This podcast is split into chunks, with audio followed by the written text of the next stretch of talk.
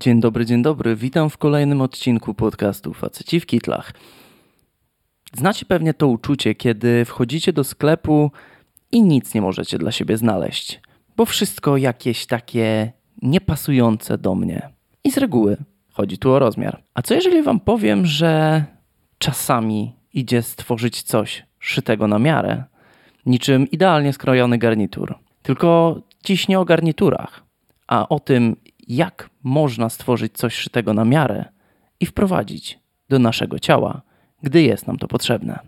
Dziś porozmawiamy o druku 3D oraz o bioprintingu.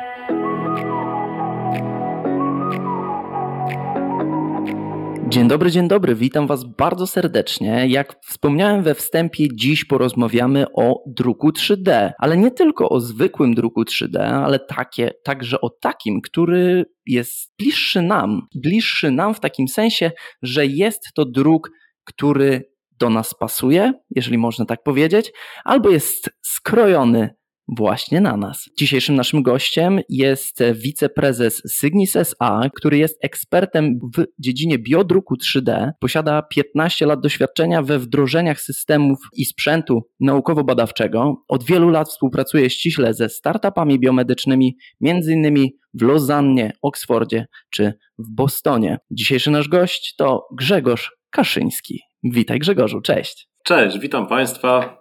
No to dobra, to zacznijmy od najważniejszego. Mniej więcej każdy z nas intuicyjnie wie, czym jest druk 3D, ale nie każdy wie, jakie możliwości stwarza tak naprawdę druk 3D. Czy mógłbyś nam powiedzieć, jakie właśnie możliwości nam stwarza? Jeśli chodzi o druk 3D, tak naprawdę możliwości są nieograniczone jeśli mówimy o całej dziedzinie druku 3D. E, jednak trzeba pamiętać o tym, że każda z technologii, bo są ich setki, ma swoje własne ograniczenie. W pewnym momencie, kiedy druk 3D zaczął się robić popularny, był promowany jako taki replikator ze Star Treka. Nacisnę guzik, wydrukuje mi wszystko w domu, w samochodzie, w samolocie. E, było takie hasło, że będzie drukarka 3D w każdym domu. To się bardzo szybko zweryfikowało. E, druk 3D jest niesamowicie użyteczny. Stwarza doskonałe możliwości optymalizacji produkcji, tworzenia nowych geometrii, wytwarzania kształtów i elementów, które do tej pory nie były możliwe, ale w pewnym ograniczonym zakresie dedykowanym do tej technologii. Więc mamy nowe możliwości, ale trzeba o tym myśleć jak o każdej innej technologii. To nie jest StarTech, to nie jest sci-fi. Ma swoje ograniczenia, ma swoje zastosowania. No i gdzie mniej więcej można to zastosować? W praktyce w każdym etapie naszego życia. Mamy druk 3D już w samochodach, w samolotach, mamy druk 3D w domu, e, bo drukarki 3D stały się niesamowicie popularne. Mamy takie wydruki już w ciałach w formie implantów, więc nie zauważamy tego, bo druk 3D e, przestał być takim poster boyem tych właśnie takich e, sci-fiowych rzeczy, tylko przeszedł do już takiego etapu przemysłowego. I w związku z tym przestawiliśmy tego zauważać, bo po prostu mamy elementy już wydrukowane 3D, ale one są tak, tak żeby dobrze zrobione, że przestaje to być zauważalne. Tak, no druk 3D nie robi już aż tak dużego wrażenia na nikim, myślę, jak pewnie z 15 lat temu, bo każdy wtedy myślał o tym, co można wydrukować i czy będzie możliwość właśnie mieć drukarkę w każdym dosłownie domu. Oczywiście pojawiły się pewne ograniczenia, ale faktycznie słowo druk 3D czy zwrot druk 3D nie jest już nam obcy, ale za to może bardziej obcy jest nam inne określenie, a mianowicie bioprinting. Biodruk 3D, wbrew pozorom, e, jest praktycznie tak samo e, stary i sprawdzony jak i druk 3D. E, mówimy o roku 1984, a jeśli chodzi o biodruk 3D, Historia zaczyna się tak naprawdę w 96 roku, kiedy Gabor Forkax e, zaczął pierwsze próby drukowania żywych komórek.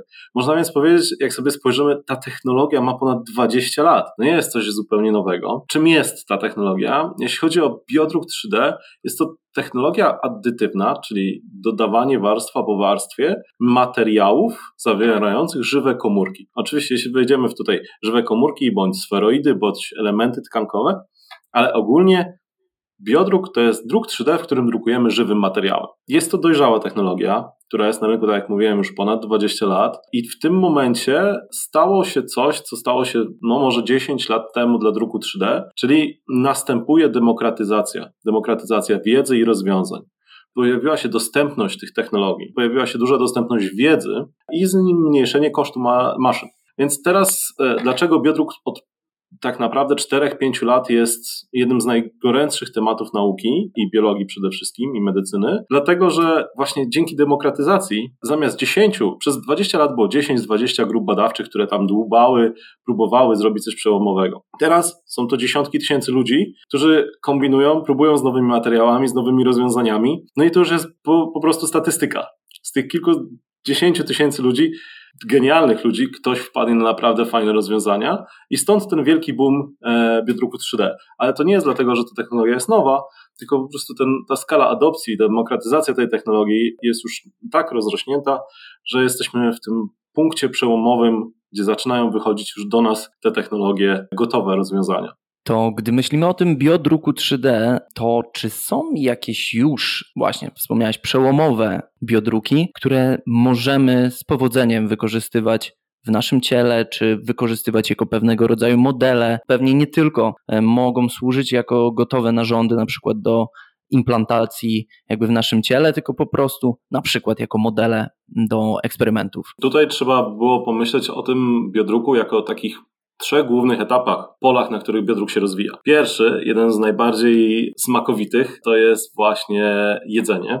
Szczególnie druk jedzenia takiego roślinnego bądź mięsa hodowanego komórkowo. To jest duży temat, który się zaczyna rozwijać teraz w ostatnich latach. I tak jak przy druku 3D, każdy sobie zawsze zadaje pytanie, ale po co? Po co mi drukować 3D tego kotleta? Tutaj Znowu, nie zastąpimy normalnych kotletów drukowanymi 3D, bo to nie ma sensu ani ekonomicznie, ale możemy pomyśleć o takich punktach, na przykład osoby starsze e, bądź pacjenci z problemami przełykania. Ile można jeść tą samą papkę w tej samej formie, tej samej papki? Tutaj na przykład dzięki drukowi 3D dużo jest projektów, żeby na przykład papkę, która jest z brokułu, wydrukować kształt brokuła i zrobić coś, co spowoduje, że ci, tym ludziom będzie łatwiej po prostu ułatwić życie. E, a jeśli chodzi o mięso hodowane komórkowo, dzięki temu, że drukujemy z kilku różnych materiałów, możemy dodać do tej papki komórkowej strukturę, która to mięso będzie przypominało dużo bardziej to, co potrzebujemy. To jest jedna rzecz. Drugą rzeczą to jest drukowanie elementów ciała, ale nie do użycia w ludzkim ciele, czyli drukowanie modeli, modeli tkankowych, badawczych. Ten temat jest bardzo już rozbudowany. E, są firmy, które drukują na własny użytek modele. E, I takie dwa główne zastosowania, które już są komercyjne, już są używane na świecie, no to przede wszystkim skóra. W ramach e, zasady 3R pozbywanie się z laboratorium modelu zwierzęcego. I druk 3D, biodruk 3D daje nam możliwość stworzenia czegoś, co spełnia wszystkie wymagania, czyli daje nam możliwość badania bez zwierząt, ale również daje nam bardziej prawdopodobne, dużo lepsze wyniki niż hodowle 2D. Bo komórki, które są w hydrożelu, mają dużo więcej odpowiednich parametrów, odpowiednich informacji. Mają swoje informacje mechaniczne, zbliżone do tego, co miały w organizmie. Informacje chemiczne, interakcje. Ten model jest dużo bliższy e, i tak jak często powtarzał jeden z naszych partnerów przy farmacji i przy kosmetyce, jest jedno hasło, które właśnie Biodruk 3D wygrywa. We make you fail faster. Więc e, to jest jeden z takich handlowych trademarków Biodruku, czy jeśli firma farmaceutyczna ma, czy kosmetyczna ma do przetestowania 10 tysięcy związków, może przejść najpierw przez modele drukowane 3D, odrzucić większość z nich i dopiero, nie wiem, jeden czy dwa przetestować na zwierzętach, co znacząco zużycie ten, tych modeli zwierzęcych ograniczy. Ostatnim tematem oczywiście jest transplantacja i narządy, bioniczne narządy. I jesteśmy trochę dalej, ale też nie, za, nie bardzo daleko od komercjalizacji, bo w momencie, kiedy mówimy o człowieku i o elementach, które mają zostać zaimplantowane w człowieka, poza nauką wchodzi jeszcze administracja. Tak jak nauka jest już w miarę gotowa i udowodniona, że potrafimy niektóre rzeczy zrobić, i tutaj zaraz opowiem, które rzeczy jesteśmy w stanie zrobić, to wchodzimy w taki punkt, w którym mamy na przykład materiał, który jest hydrożelowy. Do tego używamy komórek, przeważnie komórek macierzystych. Do tego wszczepiamy to w człowieka. No to teraz wchodzimy w taką ruletkę, czym to jest tak naprawdę? Czy to jest implant, czy to jest terapia personalizowana, już tutaj w tym momencie musimy tak naprawdę stworzyć zupełnie nową klasę dla takich implantów. To nie jest proste zadanie administracyjne pod tym względem, a jeśli chodzi o naukę, skupiamy się na elementach ciała, które są proste konstrukcyjnie, szczególnie jeśli chodzi o unaczynienie, e, liczbę komórek, których musimy użyć. Na przykład rogówka. Rogówka jest takim narządem, który jest już fazie komercjalizacji. Są trzy firmy, których, e, z którymi współpracowaliśmy, z których znamy, które są już na tym etapie komercyjnego testowania tych swoich e, modeli drukowanych. To jest na przykład tchawica, to jest przewód moczowy. To są te elementy takie, nie, nie mówimy o całych narządach, ale o elementach, które jesteśmy w stanie wydrukować. Na przykład po zmianach onkologicznych brak tych elementów w ciele znacząco ogranicza zdolności życiowe człowieka. E, więc jak sobie popatrzymy po naszym ciele, jest dużo takich prostych, małych elementów, których brak mocno będzie nam doskwierał. A jeśli chodzi o narządy, mówimy o bionicznych narządach, czyli o elementach takich, które oddają funkcję jakiegoś narządu, ale jeszcze nie jesteśmy w stanie stworzyć całego narządu. E, nasze ciało jest niesamowicie skomplikowane. Możemy oddać niektóre funkcje, ale tutaj mówimy o takich rzeczach jak właśnie rogówka, kawałek przełyku, kawałek jelita, kawałek tchawicy, to mówimy o takim czasookresie 3 do 5 lat, kiedy zobaczymy to już w szpitalu, a nie jest to sci-fi, w którym rozmawiamy, że teoretycznie będzie to możliwe. No właśnie to chciałem szczególnie zaznaczyć, żeby wybrzmiało, bo gdy rozmawia się z ludźmi, którzy nie są może w dziedzinie, to często mówią, no to kiedy będzie, będą powstawały te prawdziwe narządy? Ja mówię, no w zasadzie to już powstają, tak na dobrą sprawę, no skóra to też jest narząd, tylko że ciężko wyprodukować wątrobę, która ma e, za zadanie produkować tak dużo enzymów, tak dużo e, się tam w niej dzieje, jest tak unaczyniona, że po prostu to jest niemożliwe. Ale tak jak dobrze tutaj wspomniałeś to wybrzmiało myślę, że znakomicie, najważniejsze są też takie proste może fragmenty naszego ciała, które ułatwią nam po prostu funkcjonowanie. Dużo łatwiej jest zrekonstruować przełyk niż stworzyć nową wątrobę. E, zastanawiam się tylko, no bo sam mówisz, że to idzie bardzo, bardzo do przodu i to już jest kwestia chwili, kiedy będzie wiele z tych narządów będą produkowane i to będzie komercyjne. Zastanawiam się, przed jakimi wyzwaniami stoimy teraz, największymi, przed drukowaniem dosłownie wszystkiego. Biodrukowaniem dosłownie wszystkiego. Jakie są największe wyzwania? Bo wspomniałeś już o tej biurokracji. To sobie zdaję sprawę. Ale czy są jeszcze jakieś? Myślę, że największym ograniczeniem zawsze jest fizyka. Fizyka jest nieubłagana, ją ciężko przeskoczyć. Musimy znajdować nowe sposoby, czy za pomocą AI, czy za pomocą jakichś cwanych e, rozwiązań technologicznych, ale bardzo dużym naszym punktem, który cały czas nas tutaj stopiuje, jest biologia i zrozumienie działania naszego organizmu. E, jeśli chcemy przejść i tak jak mówiłeś, właśnie rozgołożyć ten narząd na kawałki, na elementy komórkowe, to my jeszcze nie do końca wiemy, w każdym narządzie, jak to ze sobą działa, co tam się dzieje. Dlaczego skupiamy się na razie na właśnie takich narządach bionicznych, czyli wybieramy jedną funkcję danego narządu i ją próbujemy oddać, bo w tym momencie jesteśmy w stanie w miarę przewidzieć niepożądane efekty. To jest największy problem, tak? No bo w momencie, kiedy wszczepiamy coś do człowieka, musimy mieć świadomość e, i pewność, że nic się z tym nie stanie nieprzewidzianego przez kilkanaście, kilkadziesiąt lat. No właśnie, z fizyką ciężko jest wygrać. Wiemy to często, nawet gdy wstajemy rano z łóżka, przyciąganie jest dużo większe. Ważne pytanie jest, które myślę, że wielu zastanawia i wielu osobom pewnie pojawia się taka myśl, ile to kosztuje? Czy implant wydrukowany z drukarki 3D faktycznie jest tańszy, droższy, porównywalny z tymi bardziej konwencjonalnymi, bardziej powszechnymi, na przykład tytanowymi. Mówię tutaj o takich prostszych zamiennikach, nie mówię o rogówce, bo, bo tytanowej rogówki sobie nie wyobrażam, ale na przykład kości, te mechaniczne elementy, które często są w pewnym momencie zastępowane po prostu. Tytan zdecydowanie jest jednym z najbardziej popularnych e, materiałów. E, jeśli chodzi o implanty, szczególnie właśnie implanty kostne, e, jednym z ciekawych przykładów e, jest twarzoczaszka. Tutaj możemy użyć trochę szerszej gamy materiałów. Używamy termoplastów. Jeśli chodzi o sam koszt wytworzenia, na każdym implancie możemy powiedzieć, że to jest około 1000 euro taniej w druku 3D niż klasycznymi technikami, ale to jest dopiero początek. To, gdzie jest prawdziwy koszt, długoterminowy ukryty koszt, jest personalizacja tych implantów. Druk 3D pozwala nam stworzyć implant na bazie CT pacjenta i stworzony i spersonalizowany pod tego pacjenta. Ogranicza to znacząco te koszty.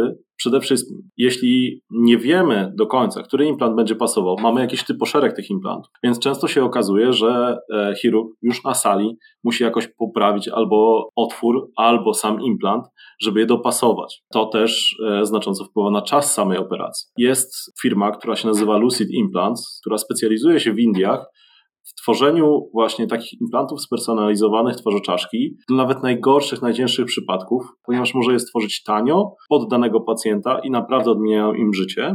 A w Europie jeden z pierwszych szpitali jest szwedzki Skala University Hospital, który w tym roku przeprowadził już pierwsze operacje w tej formie, że obok sali operacyjnej jest clean room, w którym stoi drukarka i drukowane są implanty. I można sobie poczytać o tym, e, ich wyniki jeśli chodzi o czas, o ograniczenie e, czasu operacji, są niesamowite, a to przelicza się realnie na koszty, na ryzyko też zdrowia dla pacjenta. Tak? Jeśli jesteśmy w stanie skrócić czas operacji o 3 godziny, to już nie, nie ma rozmowy o koszcie samego implantu, to już jeśli policzymy koszt utrzymania szpitala, koszt utrzymania sali, koszt pacjentów i też później długoterminowe ryzyko, no bo ponieważ e, pacjent był otwarty krócej, e, mamy mniejsze ryzyko infekcji. Jeśli nie musieliśmy tam przy tej kości dłubać za bardzo, to też mamy mniejsze problemy później z, ze złączeniem tego implantu. Krótko mówiąc, implanty z drukarki 3D długoterminowo są dużo tańsze, bo przede wszystkim są spersonalizowane. No właśnie, medycyna spersonalizowana. O tym już rozmawialiśmy w innych pod, odcinkach podcastów, między innymi o medycynie spersonalizowanej pod kątem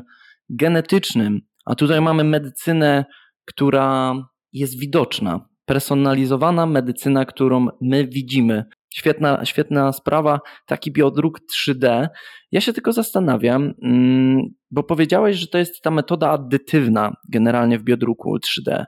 Czy są jeszcze jakieś inne metody stosowane? Bo w takim ogólnym druku 3D, z tego co pamiętam, jest tych metod znacznie więcej, ale czy mógłbyś nam trochę to pomóc uszeregować? No, myślę, że to jest dobry taki czterogodzinny wykład e, na początek. Ogólnie, techniki addytywne to są wszystkie techniki druku 3D. Tak nazywamy wszystkie techniki, w których tworzymy rzeczy od zera po warstwach. Jeśli chodzi o sam biodruk 3D, można powiedzieć, że te techniki są bardzo spójne z klasycznym drukiem 3D. Prawie każdą technikę, którą znamy w druku 3D, próbujemy wykorzystać w biodruku 3D. No i można je podzielić, posegmentować tak naprawdę na to, co jest teraz najbardziej popularne, czyli FDM, czyli druk termoplastami przez wytłaczanie filamentu. Drukujemy nasz kształt linia po linii.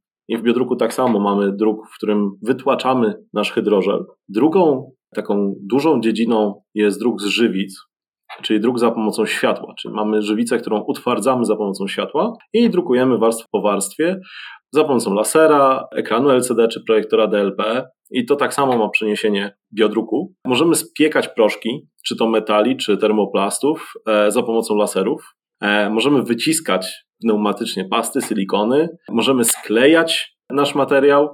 Tych technik jest pełna gama i mogę zagwarantować, że jeśli jest jakaś technika druku 3D, to na pewno jest zastosowana do biodruku 3D również. Wymieniłeś kilka metod, a przy każdej metodzie się, pojawiał się inny surowiec, który w zasadzie może być dobrym tworzywem do właśnie tworzenia jakichś konstrukcji 3D. Powiedz mi, czy są jakieś różnice w zastosowaniach między tym, bo jak mam rozumieć, no, żeby komórki jakkolwiek chciały się do czegoś przyczepiać i przeżyć, no to musi być coś specyficznego. Co to najczęściej jest? Na czym najczęściej osadzić możemy komórki, jeżeli mówimy o biodruku? przede wszystkim nie na czym, a w czym. To jest w tym momencie właśnie taki, taka zmiana, że nasze komórki są we wnętrzu materiału, którym drukujemy. E, I tutaj e, królami są hydrożele pochodzenia naturalnego bądź syntetycznego, ale są to żele uwodnione, no bo nasze ciało to e, głównie woda i do tych e, materiałów hydrożelowych, czy alginianu, czy metakrylanu żelatyny, czy hitozanów, dodajemy dodatki. Ten nośnik hydrożelowy no, jest żelem, którym, w którym trzymają się komórki. Do tego dodajemy różne elementy, na przykład nanofibrylowaną celulozę, która w tym momencie jest takim właśnie jakby scaffoldem jest takim utrzymaniem dla tych komórek, za które kolokwialnie mówiąc mogą się złapać. Więc e, mamy głównie, drukujemy z hydrożeli, które w jakiś sposób modyfikujemy pod dane tkanki, komórki, dodając różne elementy chemiczne, e, hydroksyapatyt, e, lamininy, żeby stworzyć jak najlepsze środowisko dla tych komórek. To ja mam jeszcze jedno, ostatnie pytanie. Cygnis SA już długo jest na rynku i gdy wejdziecie, drodzy słuchacze, na ich stronę, to zobaczycie, jak dużo projektów realizują i jak dużo wkładają pracy w rozwój swojej organizacji, swojej firmy. Czy mógłbyś powiedzieć nam, czy, bo może ktoś akurat będzie poszukiwał pracy, czy nie wiem, będzie akurat zainteresowany właśnie rozwojem wokół nauki i tych zagadnień, czy jesteście firmą, która jest chętna do tego, żeby zapraszać ludzi do współpracy, naukowców, przedsiębiorców, twórców? Jak najbardziej. My jesteśmy tak naprawdę hardware house'em. Naszym, naszą specjalizacją jest konwergencja tych technologii. Bierzemy IT, bierzemy elektronikę, dobudowujemy dookoła tego rozwiązania hardware i z idei budujemy urządzenie. E, więc jak najbardziej jesteśmy chętni do współpracy z uczelniami, z naukowcami, z ludźmi, którzy mają szalone pomysły. Naszym zadaniem jest przekuć je w działające urządzenia. Jak najbardziej. I myślę, że tym optymistycznym akcentem dziś krótszy odcinek, to dziś krótszy odcinek z naszym gościem, którym był e, Grzegorz Kaszyński z firmy Signis SA, która jak wiecie już teraz drukuje naprawdę wszystko i pomaga nam zmieniać świat, no i dostosowuje się do naszych oczekiwań. Tyle ode mnie. Dziękuję serdecznie. Dzięki jeszcze raz Grzegorzu. Do zobaczenia. Dzięki wielkie. Do zobaczenia. Do usłyszenia.